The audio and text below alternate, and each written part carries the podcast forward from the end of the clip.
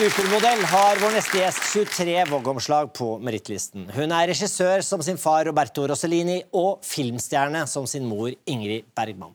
Ja, og så tok hun nylig en master i dyrenes atferd.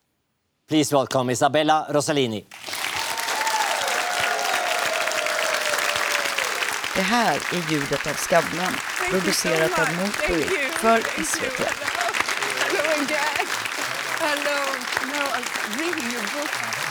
How are you sitting here? Oh, most of Uh, yes. There you go. I'm sorry that I have to speak English. I force all of you to speak English. Sorry about that. Well, you know, Swedish is not any better for me. That's right. so okay, English then. I will start by congratulating you because you just became a grandmother. Yes, I have. Seven weeks ago, I became a grandmother. And that was for the first time. Yes, the first time. My daughter. It's quite a wonderful, wonderful emotion. And is this a mini you or? It's a boy. It's a boy. Okay, yes. so it's not a mini. start. He's very little. He's very blonde. Even his eyelashes are blonde. He just started to smile, you know, responding to uh, people's faces. They are immediately engaged. It's quite wonderful. W- Uh, were you there during? Oh, uh, I was. Oh, yes, but I fainted. I fainted, not my daughter. I accompanied my daughter at the hospital, and it was a very long 24 hours delivery. Within the first two hours, I fainted. So my daughter said, uh, paraphrasing Trump, Mama, you're fired. I, was- I had to leave the hospital. The doctor didn't want me there. Tell me now you now you you've started working again with Yes. a company that actually fired you when you turned 40 Yes. because Isn't you, it you amazing? were yeah you were modeling for for Yes. Lancome I was now- modeling for this big cosmetic company called Lancome, and I modeled for them for 15 years, which is unusual because generally in fashion they like to always have new, new, new. And then when I became 42, I was let go. In spite, we were very successful. And when I asked the executive why, they said women dream to be young, and so you cannot represent the women's dream. An advertisement doesn't represent reality. An advertisement represents the dream. how was that Well, Ba- I mean, that's then? what How they was that gave for me. you to hear oh, it was it was bad.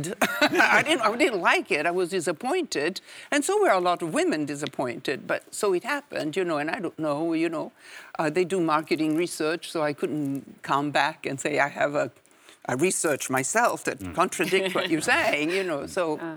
and then 23 years later, I received a call, phone call saying, "Would you like to come back?" And I thought, 23 years. 23 years later. Can you imagine? No. It's just so amazing. And so I said, well, first, can you, can you fly me to Paris? Because I live in New York, so you can see me, because I thought maybe they think I haven't changed. and when I arrived, I said, you know, you let me go at 42, I'm now uh, 65. Uh, but they said, no, we, uh, we think the women don't want to be just looking young. They want to be, we want to give a, a message of inclusion, a message that's much more open. And I asked them, why do you choose me? You can get another 60, 70 year old instead of dragging our old story—that that is hmm. 23 and you know controversy and mm-hmm. all that.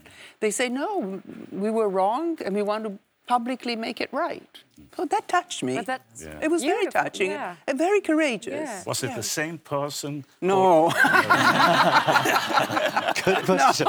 Good question. you know what it was? I think there wa- it was a woman who hired me mm-hmm. back, mm-hmm. Françoise Lehmann. is the first CEO that is a woman at a big cosmetic company, one mm-hmm. of the big wom- first women that reached the top.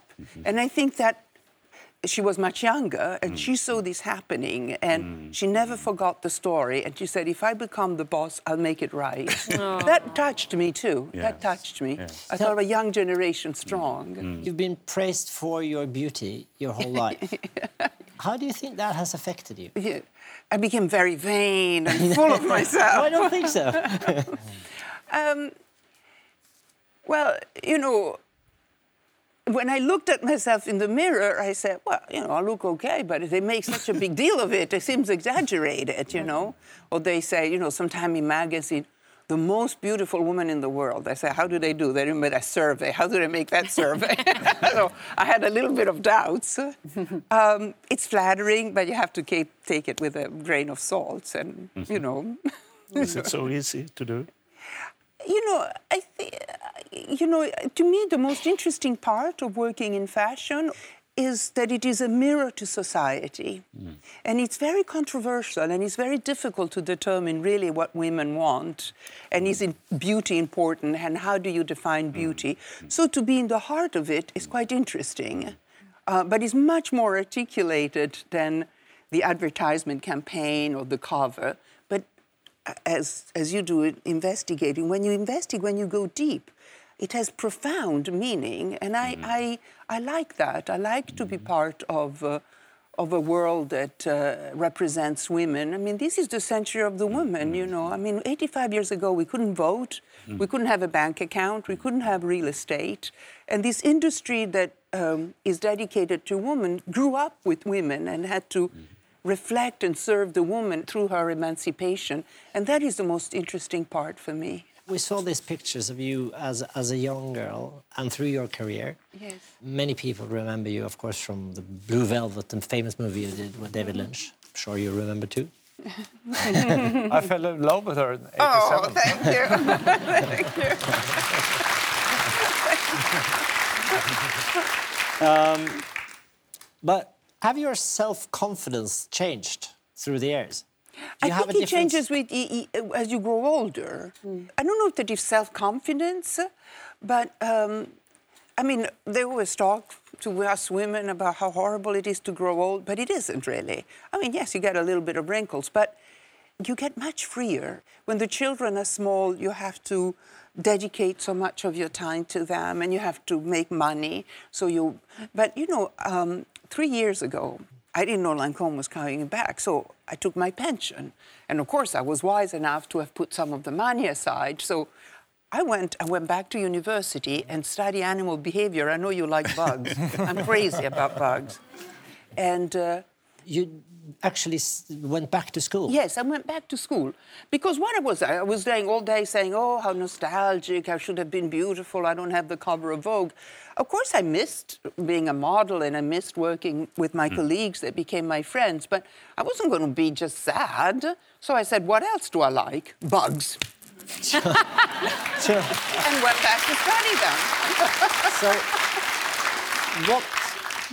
How was the reaction? I mean, in in the classroom, when you have most like of the time they think I'm the Isabella professor. Rossellini comes in. and Most sits of there. the time, they think I'm the professor, so they give me the check. I said, I'm a student. So uh, I wasn't the only student at the beginning of my master degree, the first two years of the master degrees.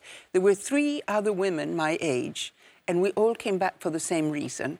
They had to attend their family, they had to make a living, and now the children were grown up. They took the pension and they went back to study what they wanted to study. These four women with me were interested in animals. And I'm the only one of the four that has endured statistic and math because I, it's a core exam that you have to take. That was. Is it true that you study the sex life? in- Yes. in- is it So, so yes. animal sex life? Yes. So Why? I did two things. Why? no, because it's funny. Because uh, uh, so when I started studying animal, I started making funny films. I didn't know this funny film became quite popular. There was a clip of it, uh, and then I became these are, monologue. among others, the green porno. the green films. porno. You know, the first thing I that amused me. I'm doing another one this time for Waste Up Intelligence. That's my new show about animal intelligence. But the first one was about sex because it made me laugh. You know, in it, you, you, know, especially insects, they are hermaphrodites. They have both sexes. Uh, female eat the, hu- the husbands or the male. Uh, they, you know, there's all sorts of stories. Uh, there, or female eat the, the, the, the husbands, you know, or babies eat the mama, or the mama eats the babies. I mean, it was just unbelievable. So, what would you say is the weirdest example here? What is the weirdest animal when, when it comes to sexual behavior? Well, you know, when I did my series about sex, they became quite successful. I ended up doing 40 short films. And 40 different animals, it was, you know, difficult. So I always went to spiders. When I ran out of ideas, I went to book on spiders. Spiders are the craziest creatures. Uh, so I always find funny things. There are some male spider that tied up the female when they're virgins, and they tie them up and then rape them. I mean, it's amazing. There is a male that comes uh, with a shield. He brings, uh, he brings the female a fly because she's a cannibal. She wants to eat other spiders. So he shields himself with the fly and gives it to her. So while she's eating uh, the fly, he makes love to her and then runs off before he's being eaten. It's just amazing stories, you know. And you are, you are doing films? And I did them, and I So played them. Isabella Hitchcock. Yes, I played, and I played all the animals. I didn't film them National Geographic. I always said, if I were a spider, and then I transform myself into a spider, I would do this and I'll do that. Where did this interest for animals come from? I was born with it. I always liked it, and uh, it's strange enough. When I was 14 years old, I. Uh, I thought I was going to become a film director making documentary about animal behavior. But then I didn't know how to get there. And a lot of women tell me that it was difficult to for them to imagine themselves as director, of course actress, of course model, but not as a director. I dreamed of it, but then in the reality, I just went with uh, whatever was available. It was also having a job, making money, having a career. So this remained always as a hobby. And then, as you become older, you do what you want to do. You do the dreams that you haven't realized. And I'm in that phase of the life. So it's quite exciting to be old. Oh, thanks. I know, I know you. Um, we, go, we we actually got to talk about one more animal because Yes. we got to talk about chickens. Oh, yes, I have a farm. You have a farm. Yes, I have a farm. So when I started to go back to university, I also started an organic farm, and I have chickens, bees, but uh, turkeys, but uh, uh, but I have chicken. I wrote a book about chickens. It's about to come out. But tell me, when you have chickens, it's like many of them. Yes. Can you can you do you know each of them from? I Yeah, mean, can, can well, you separate them? Yes, I have about 100, 110 chickens, and uh, uh, one of the things I didn't know is that they have absolute distinct personalities. So I recognized some, of course, they have different breeds, so you recognize them by the look. But if I have four or five chicken of the same breed, sometimes I have difficulties knowing which one is which. So sometimes I put a bracelet with collars because I suspected that the one that always comes and sit on my lap is the same. And in fact, it was. So you have some chickens. Of course, I recognize only the personalities that are extreme. The middle, I can't really tell. Mm-hmm. I recognize the one that is very extroverted, the very curious one. There is one that follows me mm. like an investigating journalist. I arrive with the car, I could see she's there. I leave the car, she comes into the car, looks at what do I have in the car. Then I go, you know, into a barn, she follows me. I leave the barn, she goes into the barn. She follows me and investigates everywhere I've been. Spooky. It's- uh, uh, yes, she's a spy. So what are you doing? Just investigate them, or, or you eat them, or No, I don't eat them. I mean, I, I'm not a vegetarian, but I cannot eat the animal I know. But I thought it was because I was an actress and a model. I said, you know, maybe I'm not a real farmer. And I spoke to that wonderful lady called Temple Grandin. You know, Temple Grandin is an autistic lady, but she is a genius of animal, and she has uh, of animal behavior, and she has designed 50% of the slaughterhouse in America to help animal be killed in a way that they are not panicked. And I told her, and she said, "Oh, that's normal. Nobody eats the animal you know.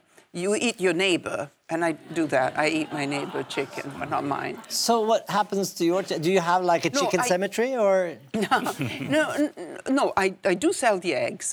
I sell the eggs.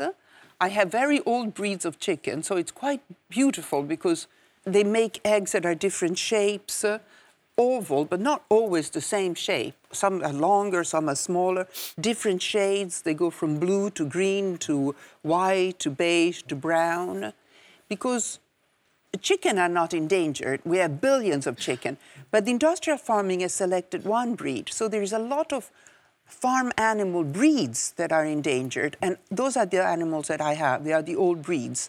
They are chicken that lay eggs naturally. I have chickens that don't grow very fat. Modern chicken grow so fat that you have to kill them. They cannot hold their weight. So I don't have those chicken. I have chickens that mature slowly, and they can hold their. They can fly. They can still fly. My chickens. Um, um, there is another lady called Patty that was a chef for many years, and now she raises rare heirlooms, you know, rare spinaches, rare asparagus, and she works with chef. And I do the same, but with animals. Isabella, we've been talking about walking here tonight. Yes, And when I look at old films with your mother, yes. Ingrid, she actually has a distinct It was walk. just boom, boom, boom. Yeah. I always felt like I was I'd ra- It looks, out looks behind. Scandinavian. It's a Scandinavian, Scandinavian way of walking. Do you agree? It is a Scandinavian way of walking, and you know when I saw it, uh, I saw it when I saw Greta Garbo in Queen Christina, and uh, the, she walks, uh, and she walks so fast and with such uh, athletic. There was such an authority in that walk, and I understood a sort of a, a strength, you know, a strength, uh, uh, and my mother definitely had it. So. I do think that probably walk is influenced also by your culture you're born. And you know, I also raise dog for the blind, and the first thing you match is the gait, how how fast or slow the blind person walk and the dog. That's the first matching you do. Because it's impossible to change, as you said. Yeah. Uh, very interesting. Do you have the same walk as your mother? I uh, well, I should ask the expert. I have a very bad back, so I think it shows that I, I have, I walk with difficulties. It's it's interesting because your mother had a huge Hollywood career. You had a huge Hollywood career and a a career in fashion as well, but you you handled your career differently. Well, I think my mother gave me the example that women can have a career and can have a family. For her, it was very difficult, and she was very attacked for it. You know, attacked for neglecting your children. How can you have four children and go to work? But me, I was happy that mother went to work because I felt I never ruined her life. I felt that she never had to sacrifice for me. And uh, I'm telling the same thing now that my daughter became a mother and that she wants to absolute breastfeed and she hasn't slept in seven weeks. I said, Well, remember, you give everything to the child, but it's also your health. You decide, I'm not telling you, but if you give the baby one bottle at night, you sleep. Hmm. And it is nothing to do with bonding. You already gave her seven weeks of milk. You decide when it's time, but do not fall into giving up your life for your family or for your children because there is so much out there that needs to be experienced uh, without hurting anybody. Did I miss my mother when she was on set? Yes. But ultimately, I was happy that she was happy, and I chose the same life she had. You, I, I, I read somewhere that you said that a female actor would not handle her own money, Oh, yeah, no, she her didn't. Her own income. Yeah. Uh, she didn't. That was. she didn't. Yeah. Sometimes I learn from my mother, and sometimes I learn I'm not going to do what my mother did. my mother- did just as well. Sometimes. Well, I think my mother always acted because she always said uh, it was a calling, it was a need. She needed to express herself that way, and uh, she didn't do it for money. So she always had manager or agent or husband managing her money, and inevitably she lost a lot of money. Then she might work again, then the money came back, but every time there was a divorce or there was a, a you know, a change of agent, there was always this loss of money. And I didn't like that. I said, it's not going to happen to me. And so when I start to make money, and a lot of money, not just a salary, but when I start working with Lancome, you make a lot of money when you work in advertisement. It isn't a salary. It is money that you have to invest. It is money. I said, I am going to understand about it because I think Mama didn't do it because she felt intimidated. Yesterday, I saw a friend of mine who's a ballerina, and she just divorced. And she said, You know, I'm the thing that terrified me the most was paying the bills. Because I always delegated my husband to pay the bills, to call the electric company, the gas company. And I was so panicked at 55 to be able to handle it. But now I can do it. And it's the same feeling. So I try to understand money and, and do the investment and not delegate. Uh, and, you know, I, I did well. I bought my farm. Lancôme fired me. I bought a farm and started studying, you know, and because I, I, had enough money. Well, what do you prefer, earning money or spending money? oh, spending is much better. Yeah, it is. uh, spending is much better. it's true. Some people just like to accumulate. Yeah, I know. Yeah, no habits. Uh, yes. I suppose you have some of your mother's things and, and, and possessions. Yeah. Are there any special of her possessions that, that really reminds you of her in a special way? So, so, we gave everything of Mama to the Wesleyan Archive. You know, there's very few cinema museum, although cinema is really an art form of this century. Um, but I do, I have kept a shirt and a jacket uh, that is no signature designer, and it just hangs in my closet with my own thing, just because it makes me think of Mama. She didn't get to meet your children No. like you now became, became a grandmother. Yes. Is that Yeah. something you think about these days? Yes, you know, I, I wish my children knew her because, of course, my mother is still famous and people talk about her, and and and they don't have a direct experience uh, of her, and that, or my father, both both of them were dead by the time I I had my two children. So that is uh, that I'm sorry. Mm. Yeah, mm. yeah. Isabella Rossellini, thank you so much. Thank you for coming here. Thank you.